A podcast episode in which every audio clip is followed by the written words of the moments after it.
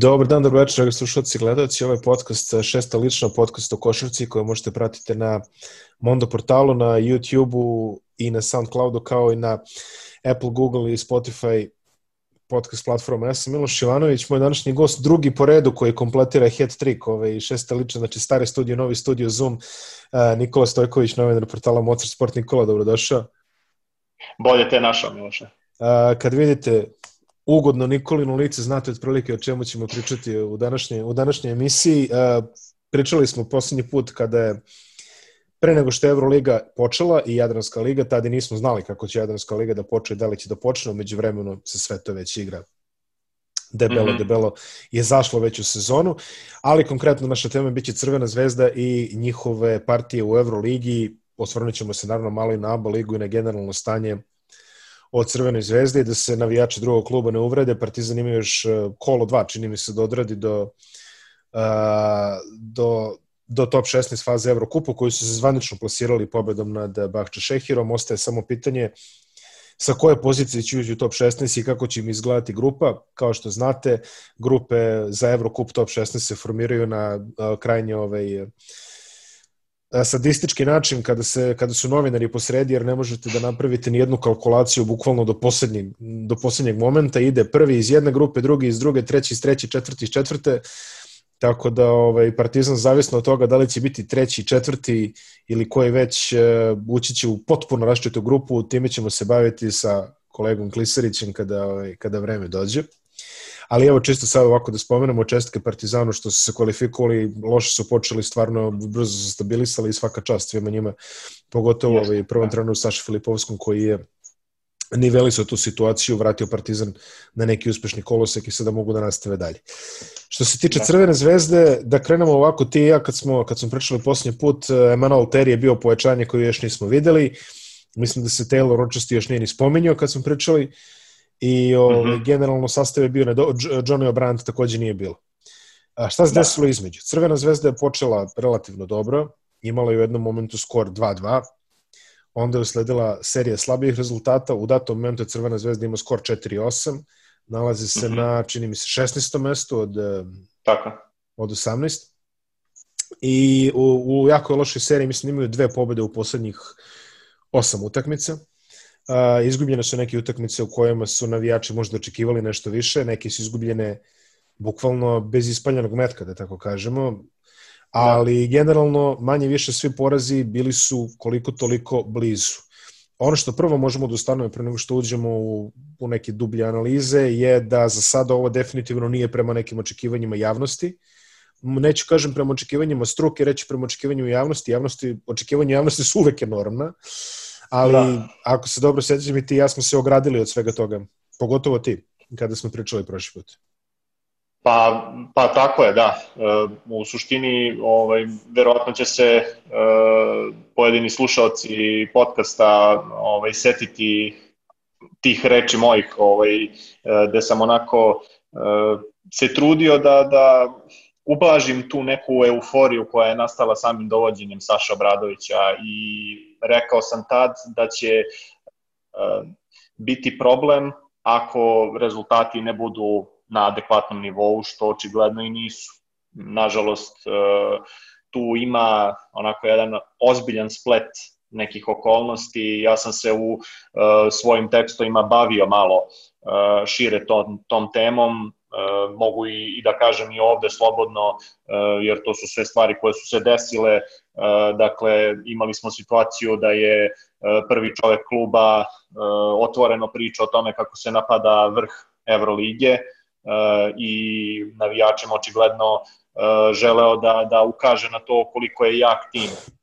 Međutim, već prva utakmica sa Fenerbahčeom je pokazala da ta ekipa nije ni dovoljno dobro selektirana i da ozbiljno kuburi na, na više pozicija i videli smo brzu reakciju nakon toga, da ne idem preširoko u suštini činjenica je da, da Saša Obradović u ovom trenutku nije najbolje snašao u celoj ovoj situaciji, malo to deluje problematično, pogotovo kada se pogleda sama činjenica da su svi porazi došli iz grešaka.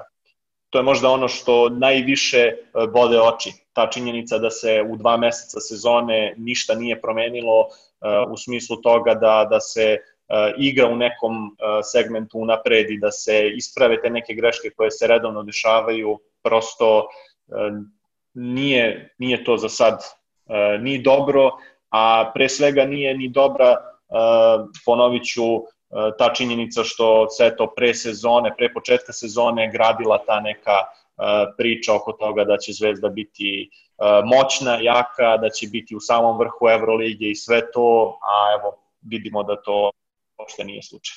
Pa dobro, ja ovde moram zaista malo da stanem u odbranu ovaj, e, prvog čoveka Crvene zvezde, čisto zato što doveo se određeni broj igrača, očekivanja su određeno velika. Po meni mnogo je bolje da on izađe i kaže, e, bit ćemo dobri, nego da izađe i kaže, pa ne znam sad, nisam siguran. Mislim, ako, ako mora da se ostavi neki prvi utisak, po meni bolje ne kaže po sod, pošteno, nek se izgine, što bi se rekao, nije, nije, nije, nije ni to neki problem. Dobro, pazi sad evo da, da, da ovaj, se ja uključim negde u to, nije uh, ovo moje neko sad upiranje prstom, mislim, ne, naravno, ne. za mene samo, meni smeta lično to kao na što se, razumeš, izlazi u javnost sa tom nekom pričom koja ostavlja lažan utisak, a svi znamo, pričali smo to i prošli put i pretprošli i praktično svaki put kada se sastanemo oko toga koliko je navijačima malo potrebno da budu ono zapaljeni, da se tu napravi neka euforija i tako dalje. Mislim da, da prosto eto, s obzirom da je Saša Bradović jedna od najvećih, ako ne i, i, najveća legenda ovog kluba u poslednjih recimo 30 godina, s razmerno tome su očekivanja bila velika posle Dejana Radonjića i svega što je uh, on bio negde možda i naj, najveće u ovih poslednjih nekoliko godina. Hajde onda da se pozabavimo sada nekim stvarima. Crvena zvezda, kao što smo rekli, ima skor 4-8. A, neke statistike su dosta iznenađujuće, mislim, neću kažem iznenađujuće, jer otprilike znamo o čemu se radi. Ono što ističemo od starta, a, u nekim raspravama je da Crvena zvezda ima problema sa kreacijom. To je prva stvar. Da. A, to pokazuju određene statistike. Crvena zvezda trenutno poslednja. Kažem trenutno, jer večera se igra protiv Olimpijakosa, tako da možda se... O, mi ovo snijemo u četvrtak. Tako da, eto, ove, šta god se desi, znaćete, ali pre utakmice sa Olimpijakosom Crvena zvezda je poslednja po broju timskih asistencija u Euroligi i pretposlednja je po odnosu između asistencije izgubljenih lopti. A, kad smo već kod toga da upotpunimo još par stvari. Crvena zvezda je 15. od 18 timova po procentu šuta za 3 poena, što takođe je ovako mimo nekog da. ritma moderne košarke. Ali e, nije sve tako loše. Crvena zvezda je po bacanjima treća, e, šutiraju fantastičnih timskih 85%, to je jedan znak da. discipline. Da.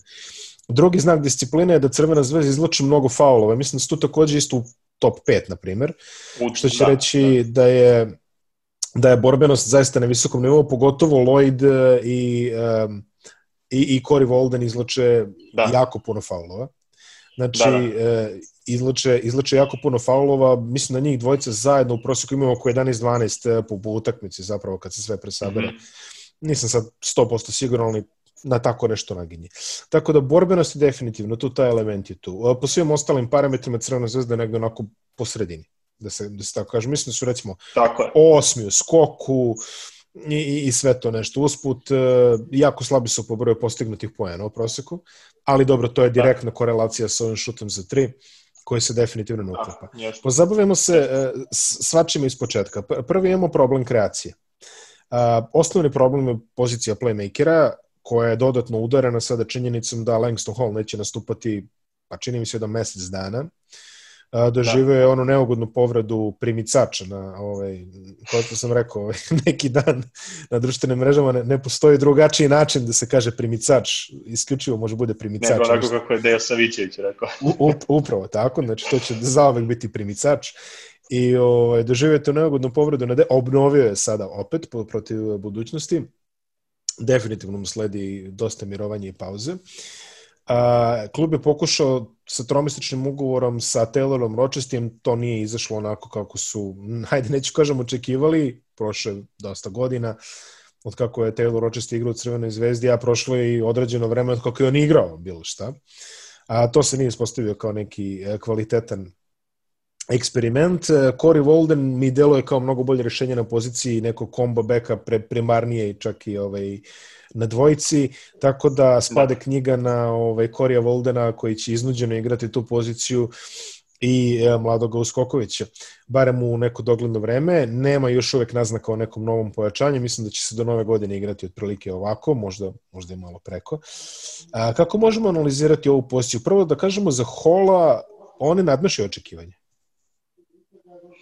Pa jeste, da. E, znaš kako, s obzirom da je prošle godine igrao e, Grčku ligu i da je bio u Evrokupu, imao je i dosta e, problema sa povredama, on se, da kažem, dosta dobro uklopio e, s obzirom na to da je ipak morao da, da pruži neke igre za stepenik više, jer ipak igra uh, Evroligu koja je u poređenju sa, sa Evrokupom, uh, da kažem, i znatno uh, kvalitetnije takmičenje i opet uh, zahteva više uh, igrača i pojedinačno i na nekom timskom nivou. Šteta je velika što se Hall povredio iz razloga što je do povrede to jest pred samu povredu u večitom derbiju počeo da hvata neki kontinuitet i to se ogledalo kroz recimo uh, onako poveći broj uh, asistencija, uh, sad da, da ne, ne ulazim baš direktno u uh, statistiku sitne, uh, sitne brojke, evo pa samo u večitom derbiju je do povrede podelio sedam asistencija, što je uh, veliki broj s obzirom da se u ranoj fazi meča povredio. Kažem, uhvatio je tamo neki kontinuitet, uh, recimo imao je nekih uh, promašenih uh, šuteva koji su lako mogli da uđu. Mislim da će navijačima najviše ostati u sećanju onaj promašaj protiv Žalgirisa uh, iz njegove pozicije s polu distance, onako iz naskoka. Ovaj, da kažem, nije tu imao uh, malo sreće, ali sasvim dobro je odradio svoj posao. Nažalost, problem je taj što je pozicija playmakera i odnosno taj neki posao kreatora igre bio svaljen samo na njega. Cory Walden, kao što si sam rekao, se mnogo više pokazao kao bolje rešenje nekog combo beka. On pokušava da, da odradi taj kreativni deo posla, ali mislim da ga to samo dodatno guši. On je izuzetno ratoboran igrač, videli smo da na svakoj utakmici ostavlja poslednju kap znoja i uh, recimo da se možda kroz uh, statistiku ne vidi uh, koliko je bitan i veliki Voldenov učinak u igri. To, to je igrač kojeg bi, ja mislim, svaki trener poželeo s obzirom da, da ti kod njega ne vidiš tu neku promenu e, emocija na, na licu, ali koliko grize u svakoj odbrani, koliko je aktivan uh, u kretnjama i prosto u svakom napadu, prosto odaje neko, neki utisak uh, jako kvalitetnog i, i bitnog timskog igrača. Nažalost, za Hola uh, sad opet predstoji jedan malo duži period uh, odmora, Zvezda će biti u velikom problemu, što verovatno iziskuje i potragu za nekim uh, adekvatnim rešenjem, ali o tome ćemo opet uh, malo kasnije. Kol je svakako odradio do trenutka povrede dobar posao i veliki će biti to problem nadomestiti. Šta možemo da očekujemo od Uskokovića na ovom On će sada definitivno dobiti minute. Radi se sa igrača određenog pedigreja u juniorskim reprezentacijama, u juniorskim da. selekcijama, ima i po neku medalju tu. Igrao u da. FNP-u prošle, prošle sezone. Uh, Uskoković da. ima 21 godinu sad. Ovo je opet ono o čemu stalno pričam, ja sam malo stariji, jeli? I ovaj, kad kod mene kažeš ima 21 godinu i sad debituje u prvom timu, to generalno pre 20 godina nije bio neki dobar znak. Međutim, promenilo se vreme, jeli? Mm. Mladi igrači dobiju šansu mnogo kasnije sada. Uh, realno gledano, koliko on može da prinese sad u ovom trenutku?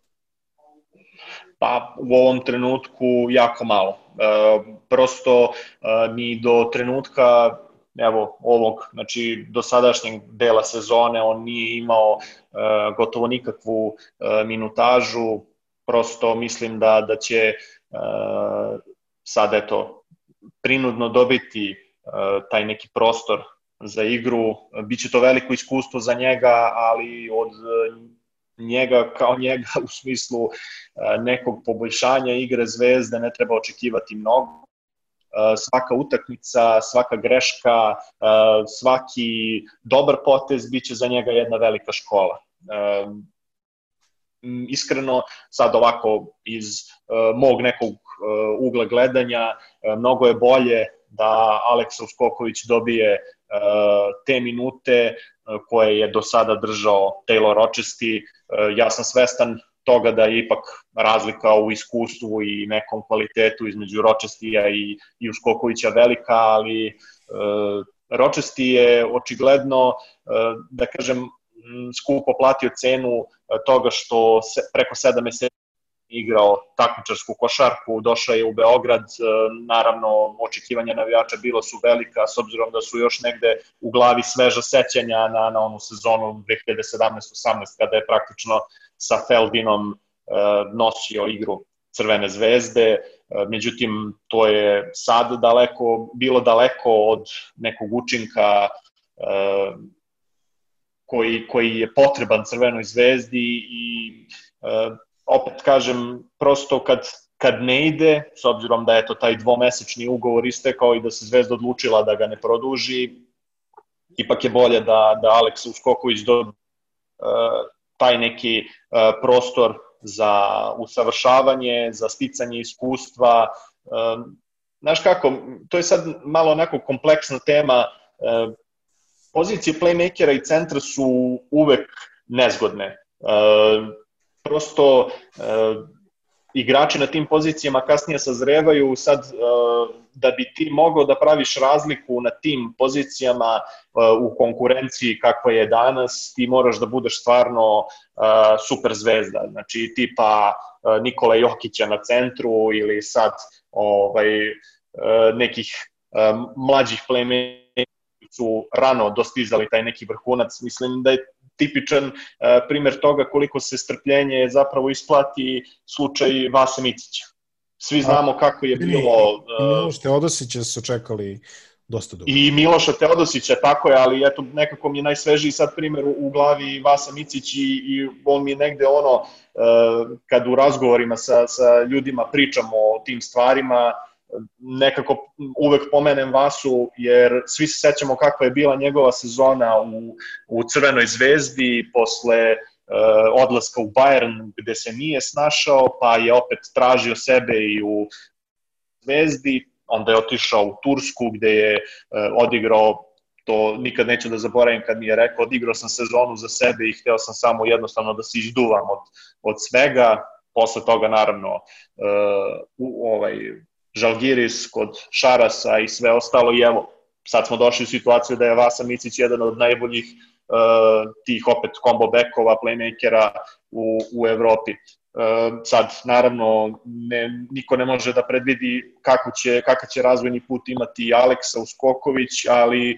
u svakom slučaju trenutno ne treba očekivati previše, previše od njega, ali treba ga istrpeti. Mm, ja nisam sad, da kažem, nisam protivnik uh, stranih igrača u našoj košarci, ali isto tako nisam ni za to da uh, naša deca uh, gube prostor i minute zbog uh, onih koji uh, igri ne mogu da doprinesu na pravi način. Pa eto, ako mogu da sumiram negde uh, svoj utisak o Aleksi, uh, samo ako bude mogao da, da E, izbegne sudbinu nekih svojih prethodnika koji su se u tom prelazu između juniorskih i seniorskih, odnosno i seniorske kategorije seniorskog tima bili, ako bude ostao strpljiv uh, i ako bude radio dovoljno, mislim da će napraviti dosta, ali to uh, je ipak nešto što treba čekati narednih nekoliko godina, ne narednih nekoliko utakmica.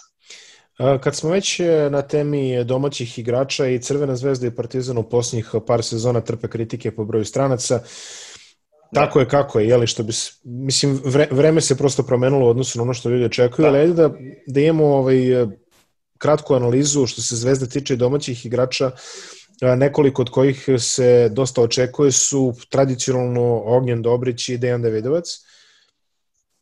Što se da. Dobrića tiče, on ostaje prava enigma otprilike za sve navijače, jer kod svih trenera on dobija vrlo limitirane šanse. Kad god uđe on da. napravi nešto i onda ga nema neki produženi period, ne umem da kažem šta se tu dešava. A s druge strane, Davidovac, s druge strane, Davidovac, ja stalno od njega očekujem da uzme stvari u svoje ruke. Međutim, on ove godine kao da pokazuje neku dozu uh, samolimitiranosti, kako da se izrazi. Znači, kao da samog sebe ovaj, uh, ograničava u nekim mogućnostima koje bi možda mogao da uradi. Znači, ja stvarno želim da on uzme loptu, da on krene da radi nešto iz nepoznatih razloga on je ili neki spot-up šuter u ćošku, ok, ima dobre procente, slažem se, ali nije to ono gde bi ga ja radi video, ili mu spuštaju loptu na post, nije ni to po mene neko fantastično rešenje. Mm, da. Uh, Dejan Davidovac je um, vrlo onako uh,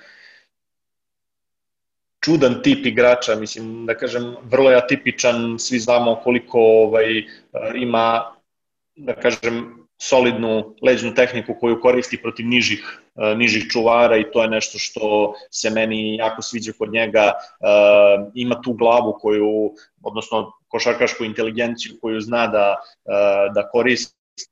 Međutim, ja sad ne mogu da najtačnije da objasnim e, šta je to što se kod e, njega dešava u njegove glavi, e, da li je u pitanju neki strah ili što ti kažeš samo prosto pokazivanje neke nekih limita koje je dostigao jednostavno nije nije to ono što verovatno i stručni štab od njega očekuje da, prosto... Da, izvini, ako... Saša Obradović je par puta dosta ovaj, glasno kritikovao Dejana Davidovca što je uzima stvari da. svoje ruke. Da, da. Baš sam to hteo i da kažem.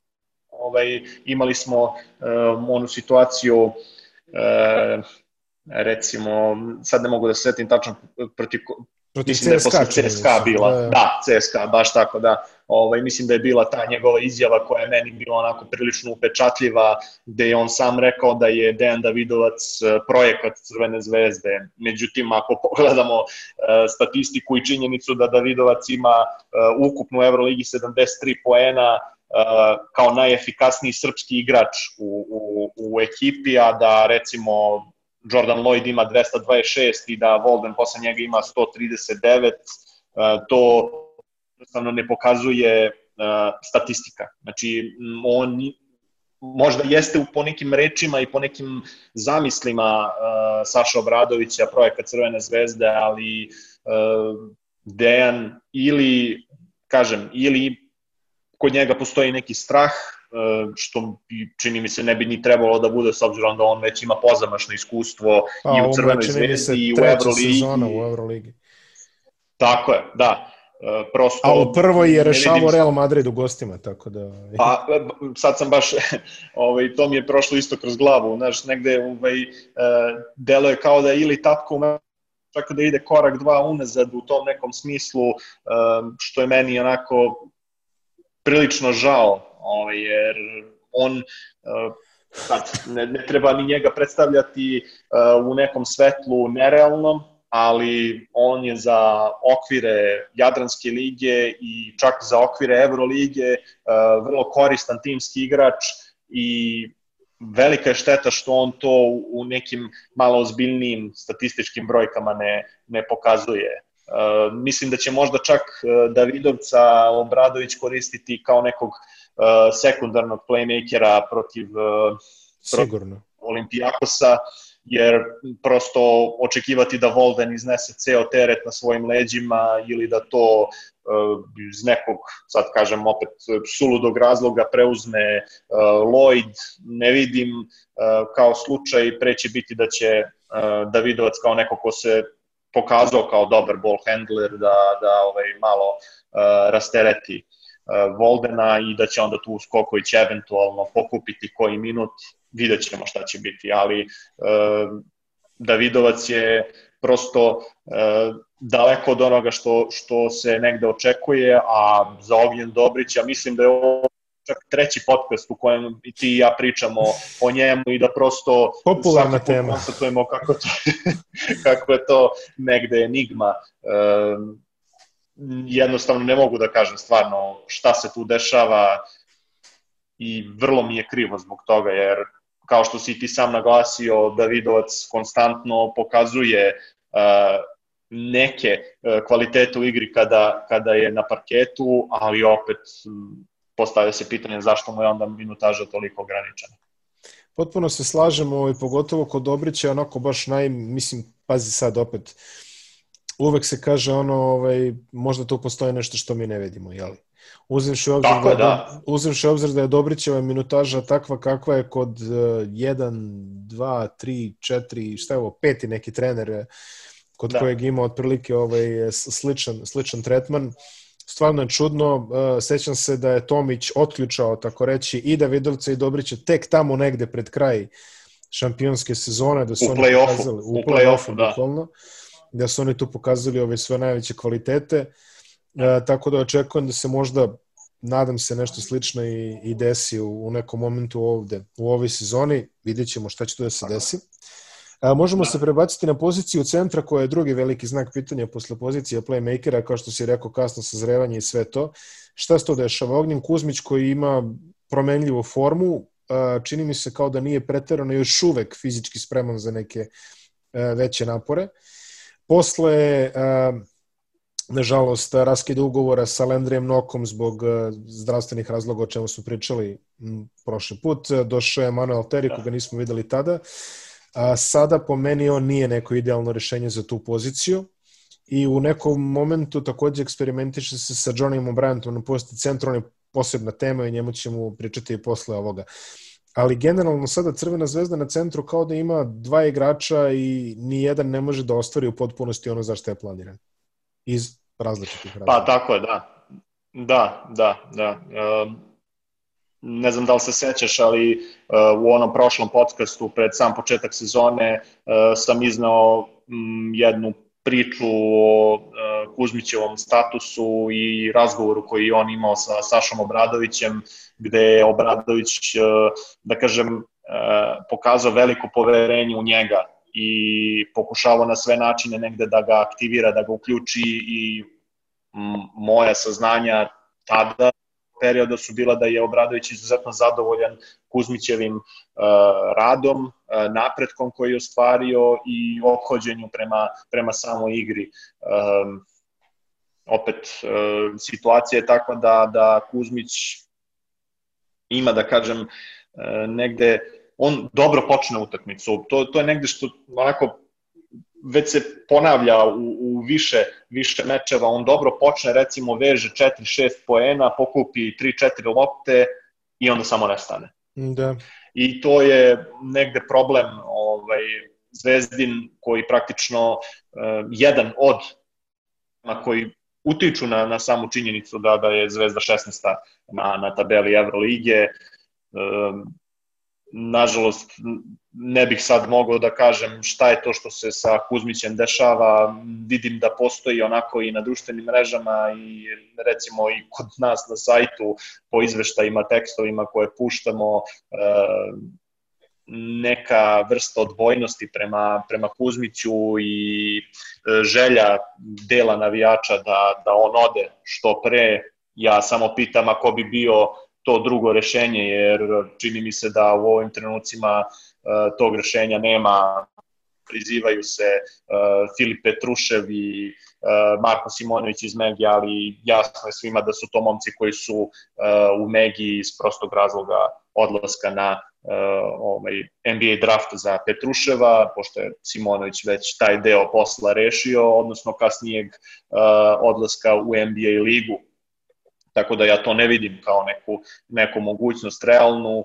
E, Kuzmić e, onda s druge strane ima alternativu u e, Emanuelu Teriju za kojeg eto nismo znali mnogo toga kada je dolazio. E, sada se pokazao kao igrač e, prilično limitiranih kvaliteta jednodimenzionalan igrač koji uh, igra po principu pika i uh, hvatanja tih lopti u vazduhu, što protivničke odbrane uh, su vrlo brzo pročitale i sve ređe i ređe uh, takve situacije prolaze. Uh, imao je uh, čak i neverovatnu uh, neverovatnu, ne da kažem muku, ali problem sa Langstonom Hallom da uspostavi neku vrstu saradnje na tom polju gde su kolove asistencije odlazile ili previsoko ili prenisko ili su bile sečene u, u letu. Uh, sa Rochester je počeo, ali onda i Rochester počeo da dobija sve manju minutažu, uh,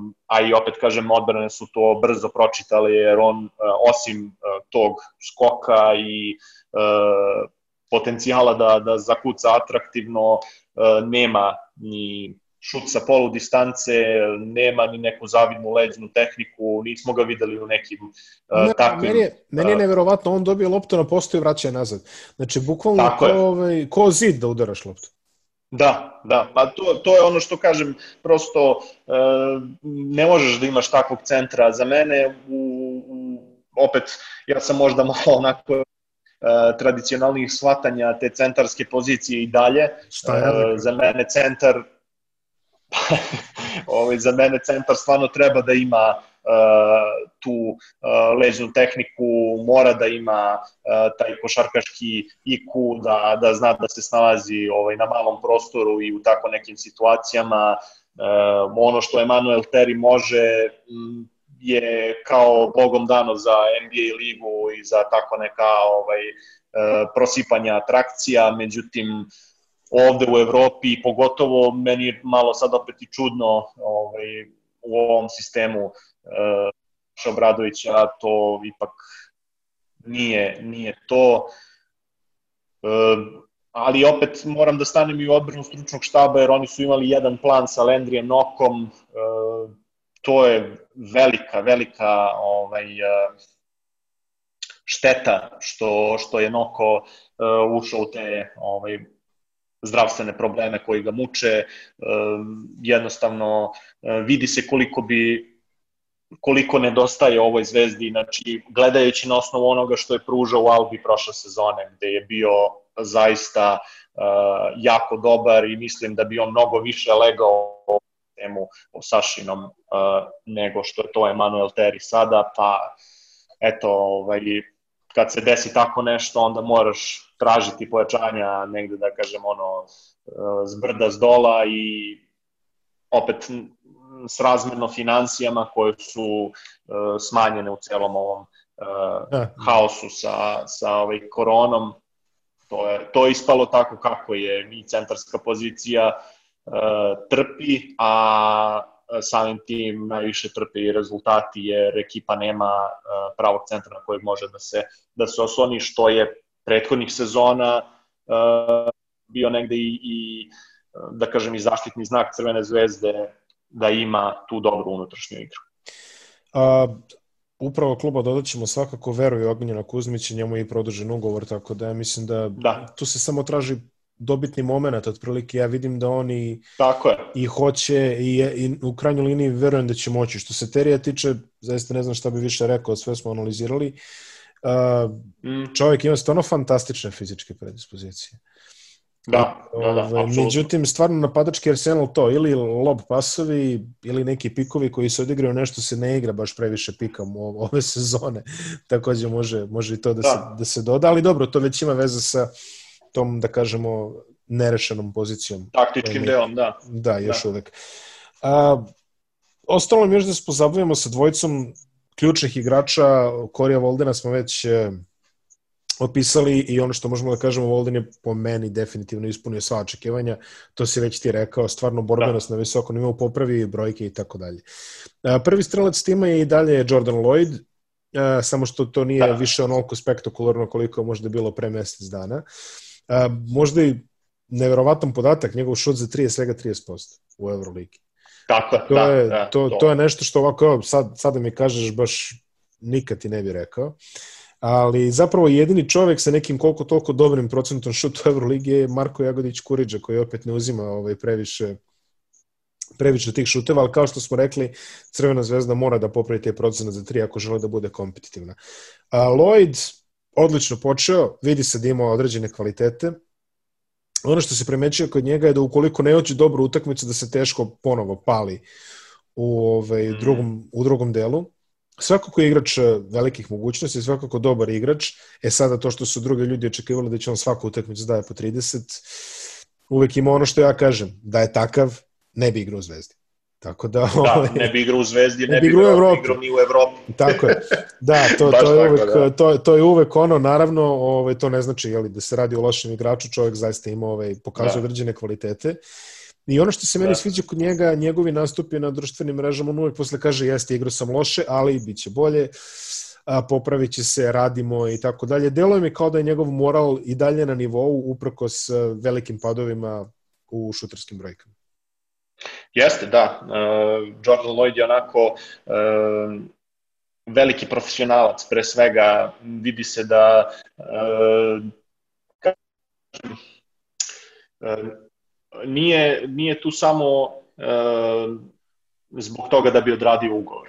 Znači, pre svega. Uh, on i ovu šansu koju je dobio u Crvenoj zvezdi i samim tim uh, mogućnost da radi da kažem negde uslovno apsolutno sve što on poželi uh, vidi kao neku mogućnost da dalje uh, da dalje uh, napreduje u nekom i finansijskom smislu, odnosno da sledeće godine dobije negde jači ugovor ili ne znam, možda mu je želja i da opet se vrati u NBA i da proba ponovo.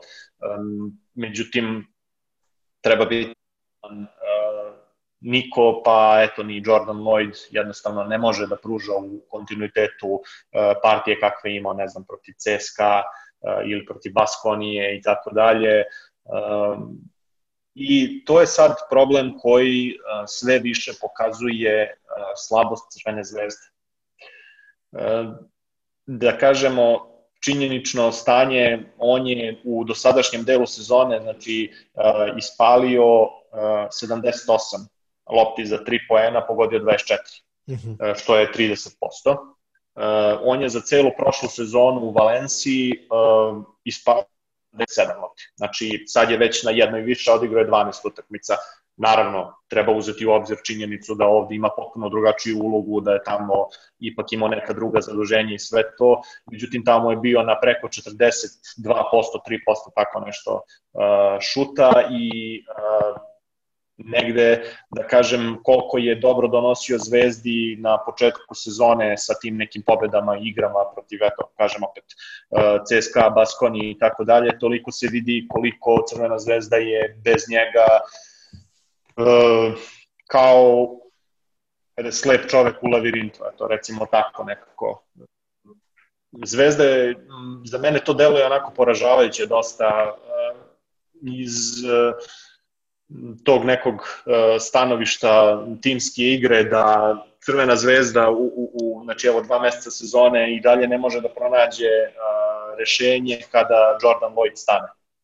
Znači da. videli smo šta se desilo protiv uh, Himkija, videli smo šta se desilo protiv uh, Bajerna, videli smo protiv Barcelone je imao uh, 0 od 8 iz igre, uh, znači nije pogodio ni jedan šut uh, iz igre, imao je uh, slabe partije i protiv, mislim, čini mi se i Efesa da nije igrao, uh, prosto mm, Crvena zvezda je u, u toj poziciji da mnogo gubi uh, na kvalitetu kada Jordan Lloyd nije u svom svom sistemu i evo u svom odnosno ritmu i to se evo sad najbolje vidi. E, pokušaj dovođenja Johnny O'Brienta za kojeg si rekao da ćemo posle jel, ovaj, e, pričati detaljnije, Možemo samo da se krenemo. pokazao Pa da, pokazao se po meni kao neki da je pogrešan potez, jer uh, makoliko sad možda u timu to ne želeli da priznaju, i to više deluje kao neki lični obračun, obračun uh, njih dvojice, ko će postati gazda ovog tima njih dvojica još nisu pronašli uh, adekvatan uh, način da, da igraju zajedno za tim, što opet kažem samo sve više i više utiče na, na rezultate. Uh, Lloyd uh, nažalost, ne može uh, da nosi sezonu sam, niti se to, ja ne pamtim da se to ikada desilo u, u, ovaj uh, novijoj zvezdinoj istoriji, da je jedan igrač, samo jedan igrač nosio uh, nosio ni čak ni u nekim prethodnim ovaj, uh, godinama, odnosno prethodnim decenijama. Mm, prosto Zvezda pod hitno mora da, da nađe neku alternativu, uh, mora da pronađe uh, način, odnosno sistem igre u kojem Lloyd neće biti ta neka osa oko koje će se uh, vrteti Zvezda. Um, kada se to bude desilo, tada možemo i očekivati uh, neki, neke konkretne rezultate. Naravno, ja sam čak i u poslednjem tekstu ovaj, posle poraza od Makabije napisao razmišljati o tome da će Zvezda ili jedan igrač njen igrati konstantno na najvišem nivou je prosto mm, kosi se negde sa uh, normalnim razmišljanjem.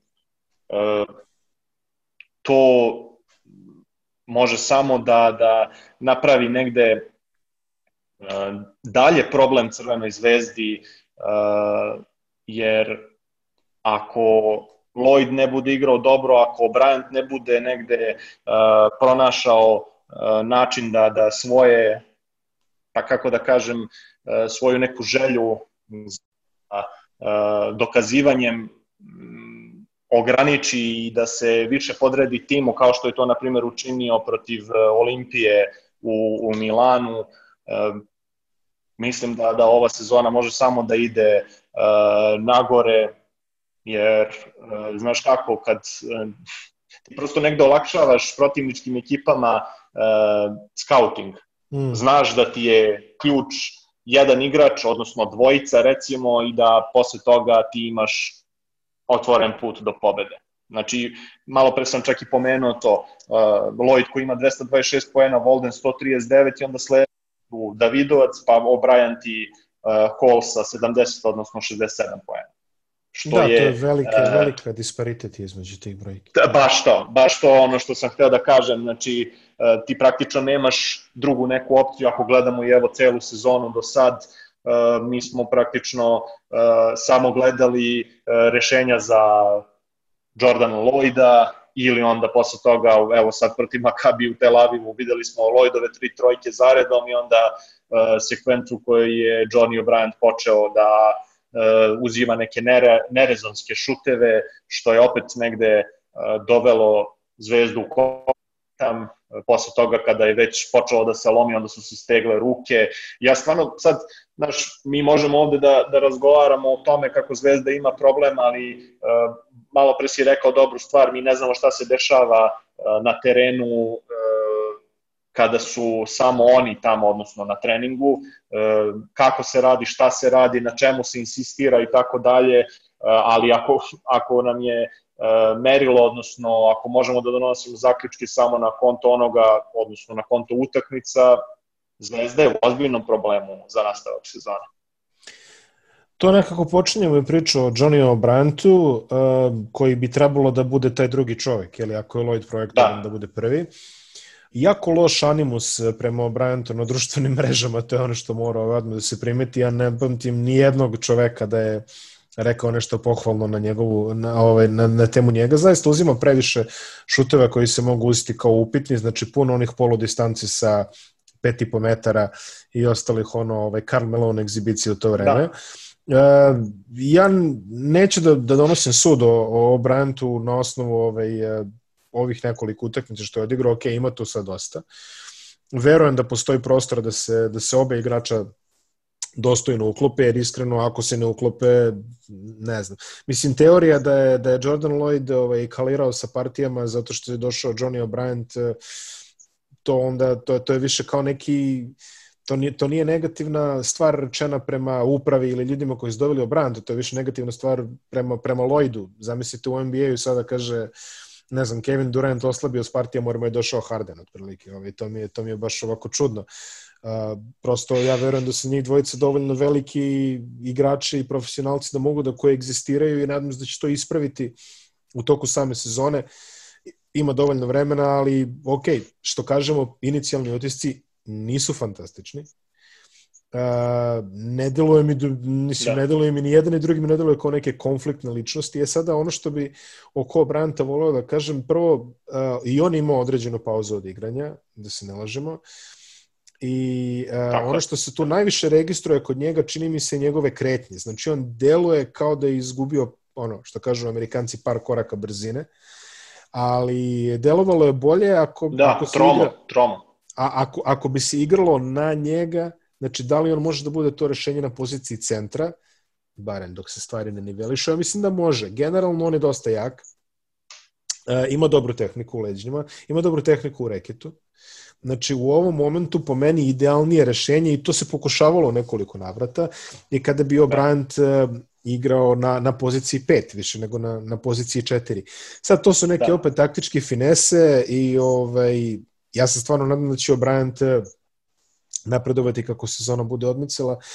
A, definitivno to je ono kao jedini smer u kojem možda napreduje, jer trenutna da. selekcija njegovog šuta ne opravdava autoritete koje mu dopušta trener i ovo bi bilo možda idealno vreme da sada kažemo i reč dve o Saši Obradoviću i njegovom trenerskom mandatu. Znači, rekli smo i neke pozitivne, rekli smo i neke negativne stvari. Hajde se držimo za pozitivne za početak. Disciplina mi deluje mnogo bolje u ekipi nego što je umela da budu u Zvezdi posljednjih godina i to se najviše odražava u procentu slobodnih bacanja koji su zaista proizvod određenog ovaj, određene, određene timske discipline i takođe Zvezda je prodornija. Znači, ovaj, deluje mi kao da, recimo, to što nije uspeo da realizuje sa Davidovcem, znači da, da njemu usledi te osjećaj odgovornosti, definitivno uspeo sa Voldenom. Volden još iz Partizana a, vuče tu neko dilemu koju ima, znači dvoumi se da li će da doda, dodaje kad ne treba da se dodaje. Ta. E, u mhm. poslednjih nekoliko utakmica mnogo više napada obruč i mnogo je agresivniji, mnogo više traži poene, što je po meni jako dobro. Znači, Obradović da. definitivno može da dođe do njih. Je sada, u posljednjih nekoliko utakmica par zabrinjavajućih trendova primetio si i, i u Euroligi, znači pogotovo protiv Efesa, protiv Makabija, pa je protiv budućnosti i Zvezda konstantno ispada na šutu s polja kada brani šut s polja. Da, da. A, protiv Makabi utakmica izgubljena tako što je čovek pogodio tri trojke iz ćoška sam kod duh, bukvalno u momentu kada kada je on poslednji igrač na terenu koji je trebalo da bude da. sam iz, iz ugla zvezde, Tako je. on je ostao Tako sam na šutu. A, protiv budućnosti isto uvek vidiš scenu da je neko sam u korneru i neko od zvezdanih igrača juri da ga stigne. A, znači tu, tu, nešto, ovaj, tu nešto puca u momentu sad, ok, to su samo naravno privremene stvari, ali to nije izgledalo tako na početku, tako da, ok, verovatno će se i tu pokupiti, ali treba spomenuti. Tu je naravno da. i onaj slučaj sa budućnosti oko poslednjeg napada, da je došlo do nekog nerazumevanja na relaciji trener igrača, ok, dešava se. Ali ovaj, i to je eto, i, i jako čudno. A, ono što možemo da kažemo za Saša Obradovića i sad ovo opet nije neka novost, ali a, još uvek se ne vidi trenerski potpis u igri u napadu. I pre nego što krenemo da razlažemo sad to, podsjetio bi samo ovaj, simpatizere Crvene zvezde i navijače, kako je to izgledalo kod Dejana Radonjića u sezoni 2013-14 u da, ligi. Da, da kada je tim u neku ruku čak i bio sličan, znači sličnog profila, ni tu, ni tu nije postao izraziti skore, ni tu je bilo da. a, problema sa šutem. Šta više, problem sa šutom s polja nešto što je pratilo Radonjića u Zvezdu još barem dve godine. Yes, yes. Čak i u neku ruku Langston Hall kvalitetima i podsjeća na Demarcusa Nelsona. Znači ovako dosta su mm. nekako, dosta su nekako slični. Yes, yes. I tu je bilo jako velikih problema u Euroligi kada stane ovaj transition offense čuveni. Znači kada, kada pukne hard defense transition offense, kada da. se Zvezda nađe u ovaj half court napadima i tu je jako umelo da zaškripi. Tako da da. razumem frustraciju, opet kažem, jeste prošlo određeni broj meseci, ali nije ni to crveno slovo a, nekada te, te, te stvari kod Radonjića, te stvari su trajale da legnu godinu i po dana, znači bezmalo. Da. I desile da. su se tek kada je na poziciji playmakera doveden vrhunski kreativan igrač određenih playmakerskih talenata. Kako ne? Kako Govorimo, ne? jeli, o, o Markusu Williamsu, naravno. Markusu Williamsu, da. Kome je bio rođendan pre nekoliko dana, srećan rođendan Markusu. Ali, ove, i, i njemu je trebalo da se desi te neki džoker i da se preživi jedna velika kriza koja je bila uh, gubitak jadranske titule od strane Cibone Cibone, da. na tom Final Fouru u Beogradu. Znači, svašta je to moralo da, da, da je to leglo. A Saša Obradović trenutno čini mi se u sličnoj poziciji. Pa, znaš šta, ovaj, ja sad ovaj, ja sam izneo u nekim prethodnim ovaj, minutima onako fokus je zapravo bio do, na, na tim nekim negativnim uh, stvarima je sad uh, nije ni sve tako crno ovaj, ja sam u poslednjem uh, svom tekstu dao zaključak da Zvezda mora podhitno nešto da menja. Ja pre svega mislim da to ne treba da bude trener, uh, ne, već ne. Uh, Nisam to ni kadar. tako shvatio. Je, da, ovaj, pa dobro, prosto ima, ima neko ko bi možda to ovaj, tako protumačio, ali jednostavno ne, ne mislim da Saša Obradović treba da bude zamenjen, jer uh, prvo, prvo, moram da kažem, prosto činjenično stanje da Zvezda u ovom trenutku ne bi mogla da, da ovaj, nađe ni jedno domaće adekvatno uh, ime ako isključimo Dejana Radonića koji je jelte slobodan, ali ja iskreno posle ovaj, onako uh, da kažem sastanka koji je bio ovaj između Deja i Zvezde, ovaj nisam siguran da li bi da li bi čovek uopšte pristao da se ponovo vrati i u ovakvom momentu ako bi se seklo na taj način.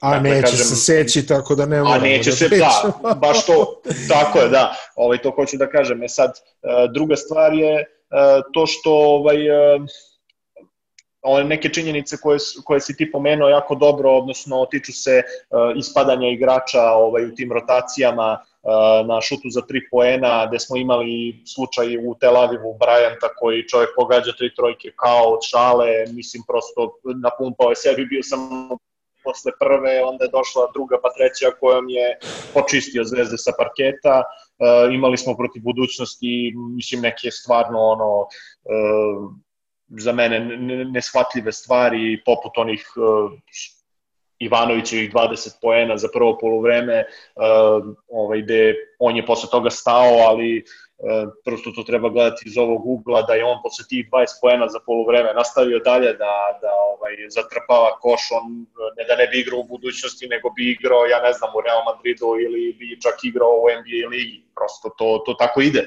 Uh, ali opet i tada smo videli isto neke uh, tipične, sad već uh, tipične primere kako Crvena zvezda uh, loše brani taj šut za tri poena, koliko su uh, slabije rotacije u nekim petorkama, uh, što je dovelo eto, direktno do dva poraza uh, u tim situacijama, pa čak je bilo i protiv Efesa takvih, yes. uh, takvih stvari. Protiv I Efesa da kažem, situacija u kojima Shane Larkin ostaje sam na tri poena, to ne Tako je, da, mislim prosto Šejna Larkina ne puštaš ono... Mislim, njemu nije problem da šuta ni preko trojice, ali ja, ovaj, i pogodi, pa, dobro, ali, da, ali pa, zašto ga ostaviti i, samog, to je stvarno... Tako je, pa da, imali smo situaciju kad se već pomenuo trojice Vilbekina ovaj, koji je u Tel Avivu komotno pogodio čovek ovaj, u zvuk sirene preko trojice igrača i mislim uh, sebe onako prilično ovaj, uh, uveo u neku konfornu zonu. Uh, no, šta sam hteo da kažem, e,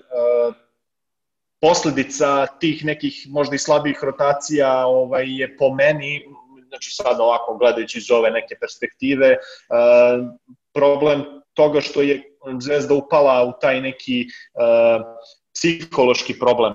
Znači, jasno je potpuno gledajući papir koliko je ova, ova ekipa kvalitetna, ali nažalost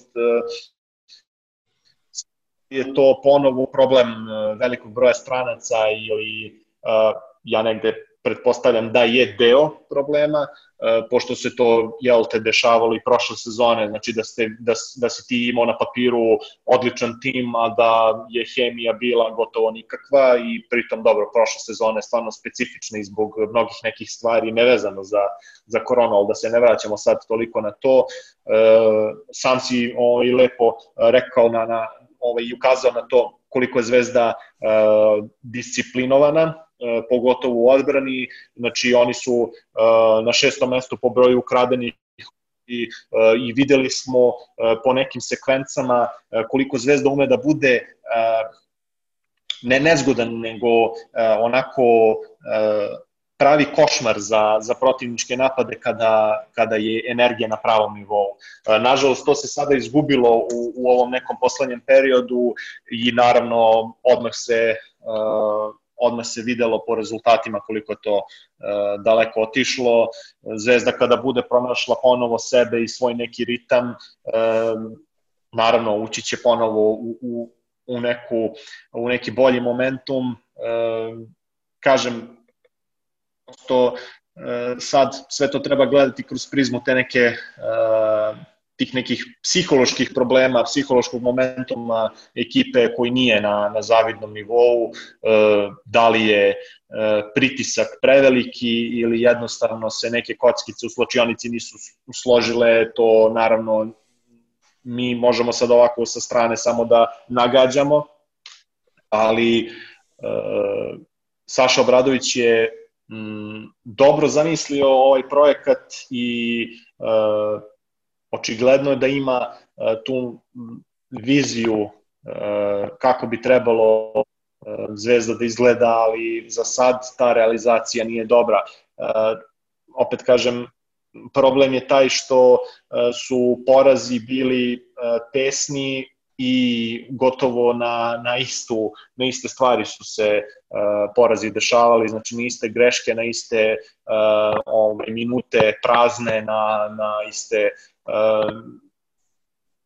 na lošu selekciju šuta, što o čemu smo takođe pričali, ali opet kad je dobro, onda je stvarno dobro. E, mislim da je tu negde rešenje, e, bar iz onoga što se može, da kažem, izvući kao zaključak nekih pobeda zvezdinih jesu ti igrači iz drugog plana. Marko Jagodić Kuriđa koji je vrlo zahvalan timski igrač i to pokazuje na svakoj utakmici i on je, jed, on je poput Korija Voldena čovek koji je ono ravna linija na terenu, ali kod njega vidiš tu borbenost i pritom on je taj neki old school igrač, ima da kažem sasvim solidnu leđnu tehniku, ume na taj neki vic, što bi se reklo da da izvuče ovaj poene. To je ono što Zvezdi treba, znači Mark ovaj Dejan Davidovac, pardon, koji uzima uh, više šuteva, uh, koji igra dosta hrabrije i odlučnije.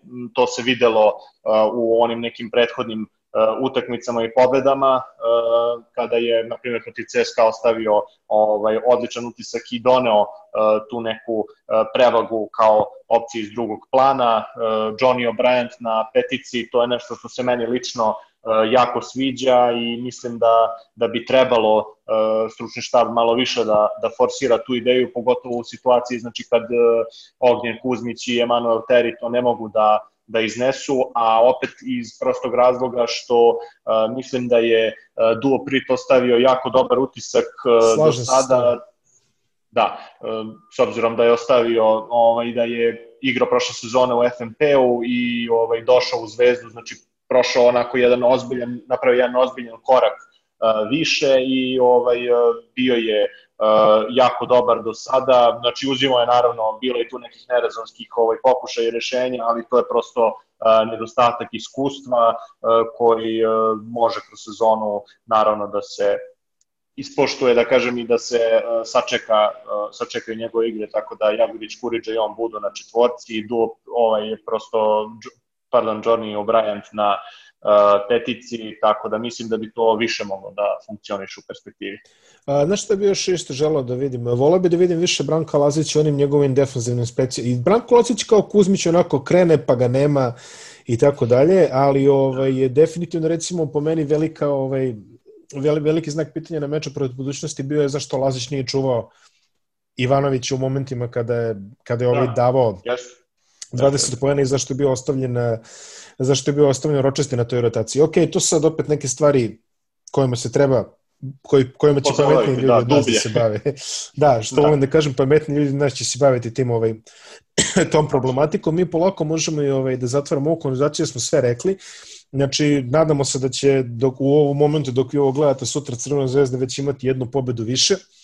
A, u svakom slučaju sledi jedan, da kažemo, uslovno rečeno lakše period za Crvenu zvezdu koji je već počeo, puno utakmice će se odigrati u Beogradu I, da. Šest utakmica praktično u nizu, ovaj, da, ako da, računamo da. i gostovanje FMP u Železniku, ovaj, šest utakmica zaredom će biti u Beogradu. Postoje neke, mislim, ono, biće, biće prilike da se, da se popravi skor. Što se Jadranske lige tiče, jako kratko smo to samo rekli, bilo je nekoliko utakmica opomene, Split, Mega i tako dalje, onda je došao ta fakat opomena od budućnosti verujem da je ekipa tu presekla da se konsoliduje, ali eto, o tome ćemo raspravljati svako neki sledeći put. Sada smo da. čini mi se pokrili sve što smo imali da pokrijemo u, za ovu prvu trećinu Evrolige. Tako da kada prođe još ono koliko smo izbrali 11-12 utakmica ti i ja se opet vidimo da. Bože zdravlje nekim boljim ovaj Bože zdravlje nekim boljim uslovima. Nadam se i ja. Da, Nadam ali dobro, ja. za sada dobro je da se ovako čuvamo, za sada dobro je da se igra, da imamo o čemu da pričamo. Nikola, hvala ti još jednom što si izašao u susret kao po običaju, ti si uglavnom ovaj, najzahvalniji za ove stvari. tebe, tebe čovjek zove jednom i ti se ono, šalim se bez uvrede svim ostalima, ali eto, ovaj, Hvala tebi, čist, Miloše, na pozivu. Ovo je čisto i... sprdnja malo, ono, da, da naravno, se razveselim da. u koronska vremena. Naravno, naravno. Naravno, hvala tebi puno i ovaj, nadam se da će situacija ovaj, i epidemiološka i zdravstvena da se popravi ovaj, u našoj zemlji i generalno kako bismo mogli da se viđemo više uživo i da ovaj, razgovaramo o tim nekim uh, stvarima koje se dešavaju, a i brate da konačno pogledamo neku utakmicu uživo jer ispravno ti kažemo da. ovo gledanje preko televizora već je postalo jako dosadno. Pazi, verujem da bi, verujem da bi Jordan Lloyd imao šta da ti kaže na tu temu takođe. Da. Hvala ti puno, pa se vidimo sledeći put. Ništa, čujemo se, pozdrav.